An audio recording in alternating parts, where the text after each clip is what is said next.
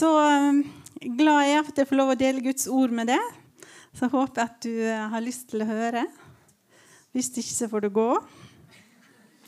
Men nå, nå sitter du her, så jeg får skynde meg i gang. Jeg heter Guri, for dere som ikke kjenner meg. Jeg er gift med Samuel.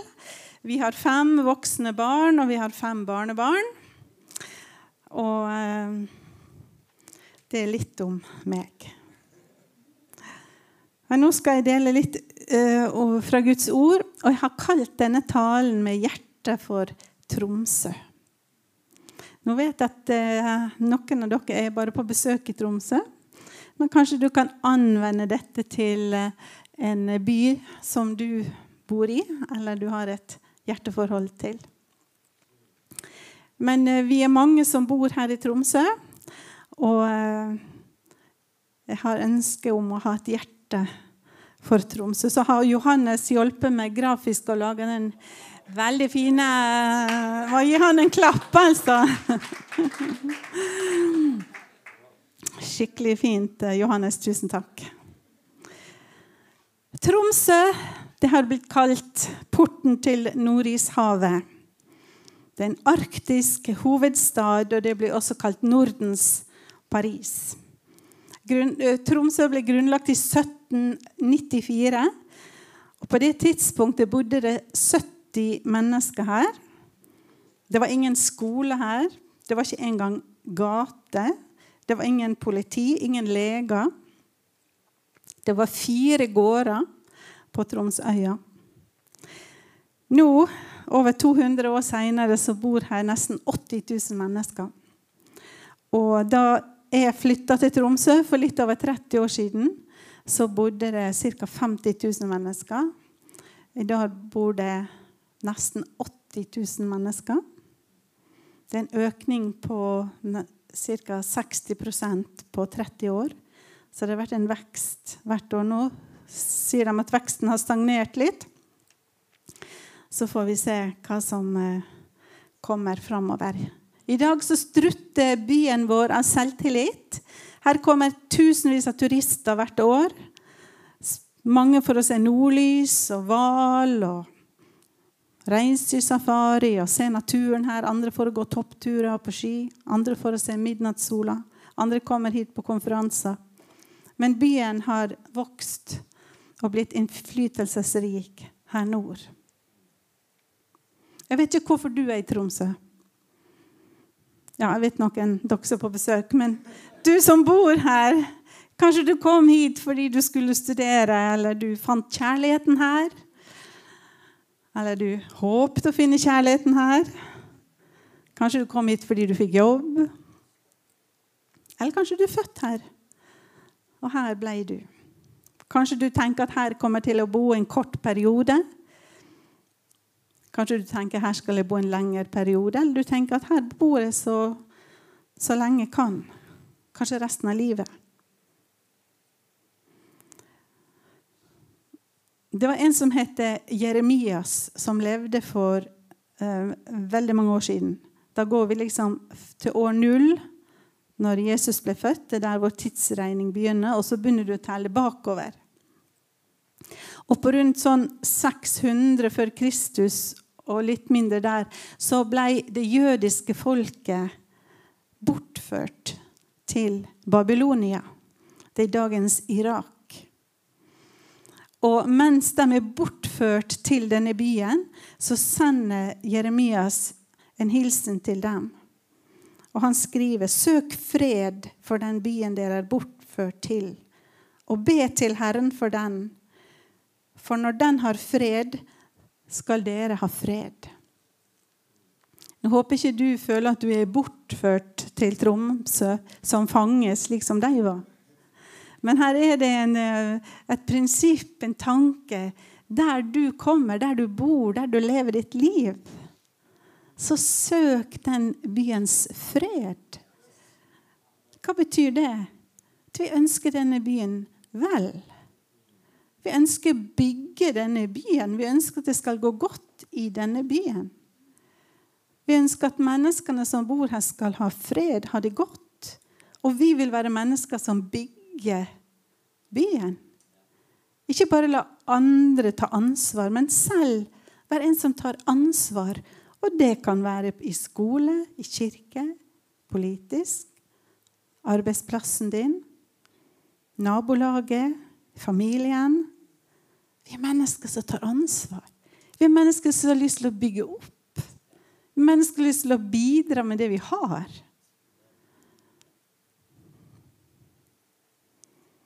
Men spørsmålet for oss som jobber i kirke, og ønsker at evangeliet skal bli spredd ut Spørsmålet for oss er hvor mange i vår by har hørt om Jesus?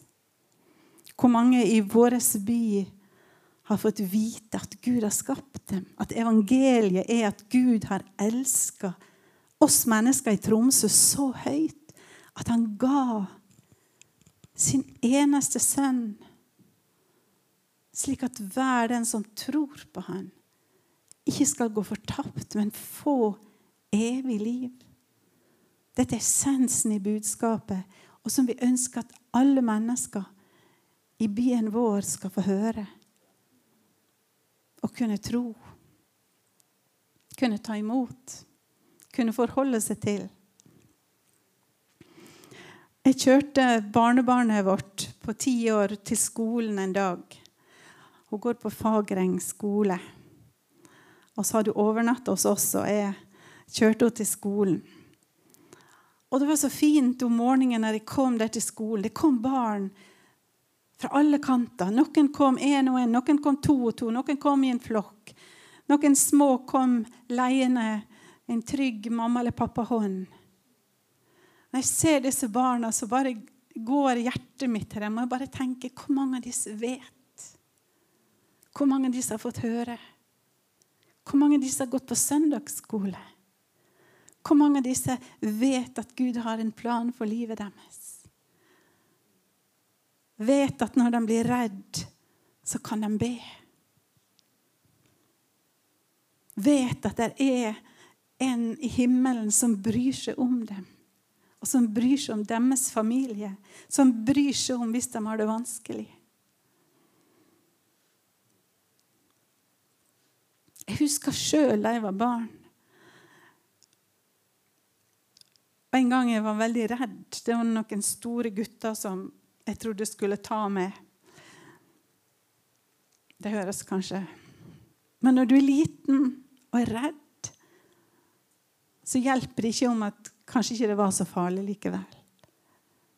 Men jeg var redd, jeg husker jeg, jeg sto bak ei dør og ba Jesus, nå må frøken komme før disse guttene kommer. For når frøken kom, så låste hun opp døra, og vi kunne gå inn i klasserommet. Men bare litt at jeg hadde et sted Jeg hadde en jeg kunne be til. Jeg visste at jeg får lov å be. Tenk for et privilegium. Jeg kunne stått der og bare vært redd alene med meg sjøl. Og båret den reddheten bare sånn alene. Det hadde vært så mye vanskeligere enn jeg kunne be Jesus pass på meg. Pass på meg bare, Dette tenker jeg en menneskerett som jeg ønsker alle barn alle unge skulle vite. At det er en som ser det. Det er en som bryr seg. Det er en som elsker det. Det er en som har en plan for livet ditt. Og sånn som Karina snakket om her, han har oppgaver for det. Han vil utruste det. Han vil bruke det. Ikke se bare på det du tenker ja, men jeg er ikke så flink. jeg kan ikke. Jo, han vil bruke det. Han tar det du har. Og så bruker han det til noe vakkert.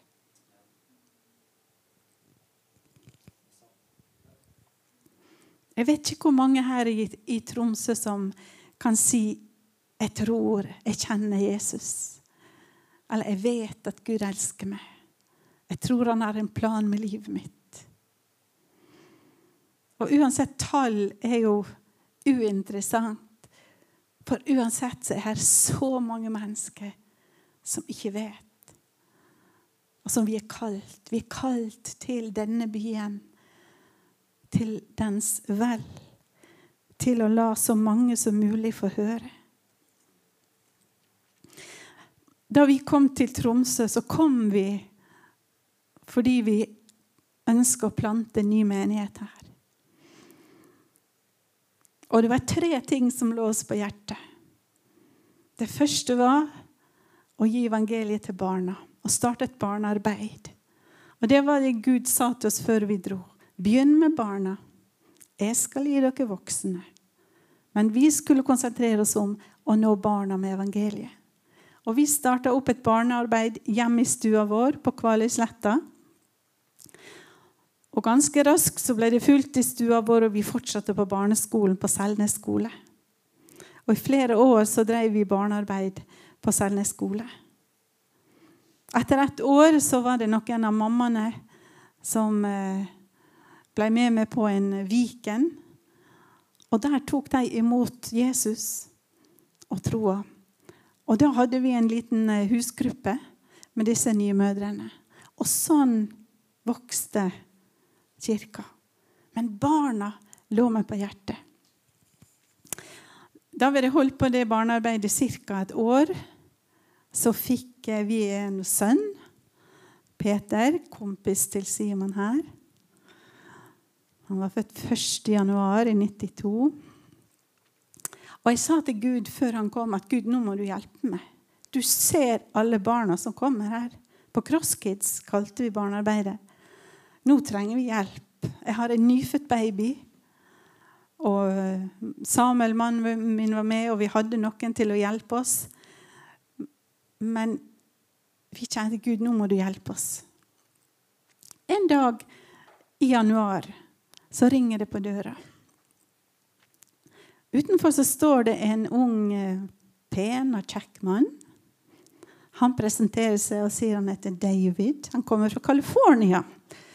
Og han skal være i Tromsø noen uh, måneder. Og så spør han er det dere som har det barnearbeidet her på Kvalisletta. Ja, sa vi. Ja, for jeg tenkte at når jeg er her, så vil jeg gjerne hjelpe til. Ja, hvis dere trenger hjelp. Trengte vi hjelp? Ja. Det vi ikke visste, det var David han var nyutdanna fra teaterhøgskole og i drama. Og han var bare et unikum. Så han kom og starta to dramagrupper og lærte opp barna våre. Og hva han fikk ut av de barna, det var bare fantastisk. Og han var veldig streng.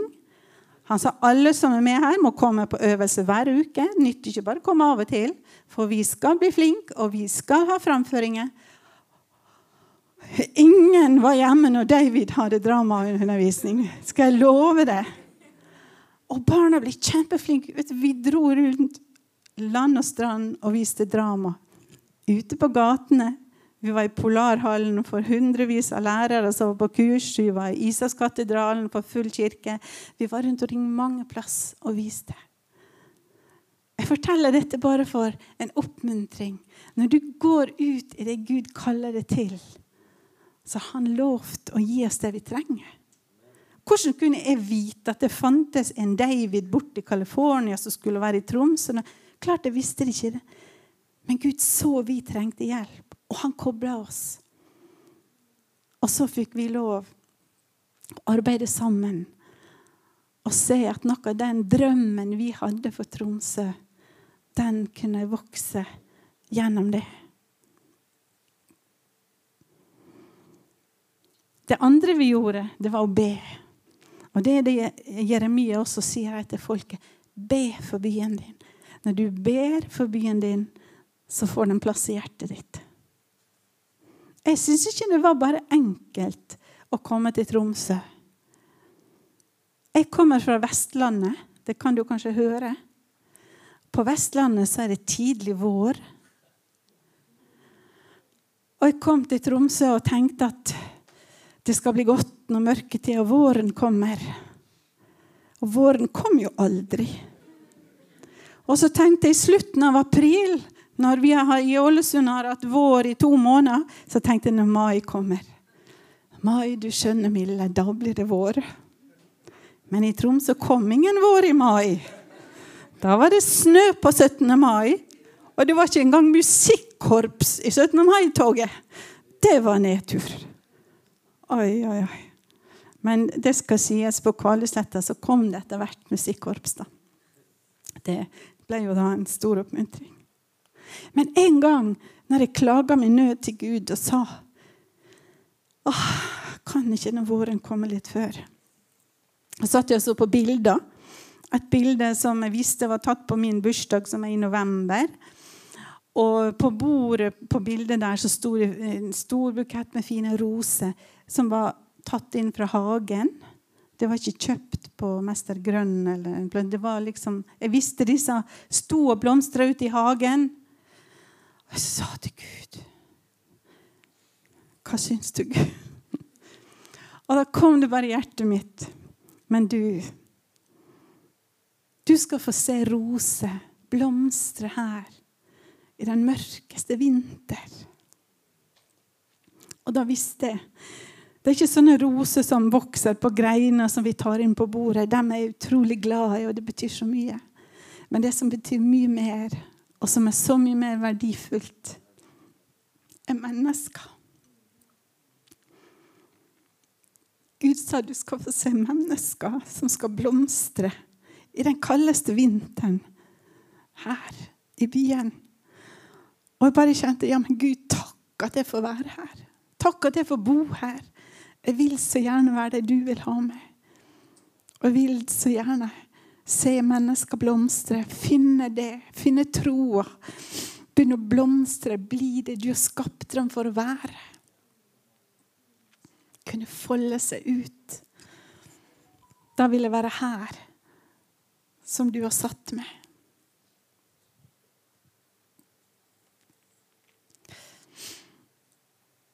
Vi leste her litt om Jeremias. Da israelsfolket hadde vært i fangenskap i Babylonia i rundt 70 år, så ble de frigitt og dette er historiske hendelser som har skjedd, og som vi vet er dokumentert. Men da var det en konge, Astaserkses, som ga folket frihet til å dra tilbake. Og da var det en mann som heter Nehemja. Han hadde en høy stilling hos kongen. Han var munnskjenk. Og det betydde at han uh, var en av kongens nærmeste rådgivere. Uh, og han hadde også ansvar for vinkjelleren til kongen. Og han var også den som skulle prøvedrikke vinen. Eh, faktisk fordi at kongen var redd vin kunne være forgifta. Så var det munnskjenken, ikke kongen, som døde hvis det var gift i vin. Men i hvert fall, Nehemja han er en av disse jødene som er bortført. Eller jeg vil tro han er født i fangenskapet. Nehemja han har fått budskap fra broren sin, som har vært på tur hjemme i Jerusalem og sett hvordan det står til med disse jødene som har kommet tilbake til landet sitt. Og han kommer med trist beskjed.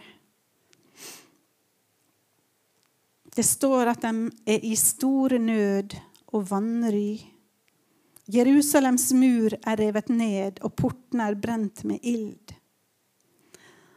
Og da står det at Nehemja sier da jeg hørte disse ordene, skjedde det at jeg satte meg ned og gråt og sørget i mange dager. Jeg fastet og ba til himmelens Gud. Nehemja får vite hvordan tilstanden er med sitt folk i den byen han hadde i sitt hjerte. Det var ikke Tromsø, men det var Jerusalem. Og Han hadde kanskje ant at det står ikke så veldig bra til der, men når han får høre realitetene, så berører det han dypt. Og han gråter, og han faster. Og han kjenner at 'jeg har lyst til å gjøre noe med dette'. Men det er faktisk ikke så mange åra før at samme konge har avvist forslag på å bygge opp igjen denne muren. Forslag på å komme og gjøre noe i Jerusalem. Og for, være, for, for Nehemja som munnskjenk så det eh, skulle han alltid være hyggelig. Han skulle alltid være i godt humør foran kongen. Han skulle ikke vise sine negative følelser. Men han klarer ikke å skjule den sorgen han bærer på. Så kongen spør ham hvorfor ser du så trist ut. Og Nehemja forteller hvordan kan jeg være glad når byen som er i mitt hjerte, ligger i ruiner. Og lang historie kort. Nehemja får dra tilbake. Han får være med å bygge opp byen sin. Og han eh, får med seg folk i Jerusalem.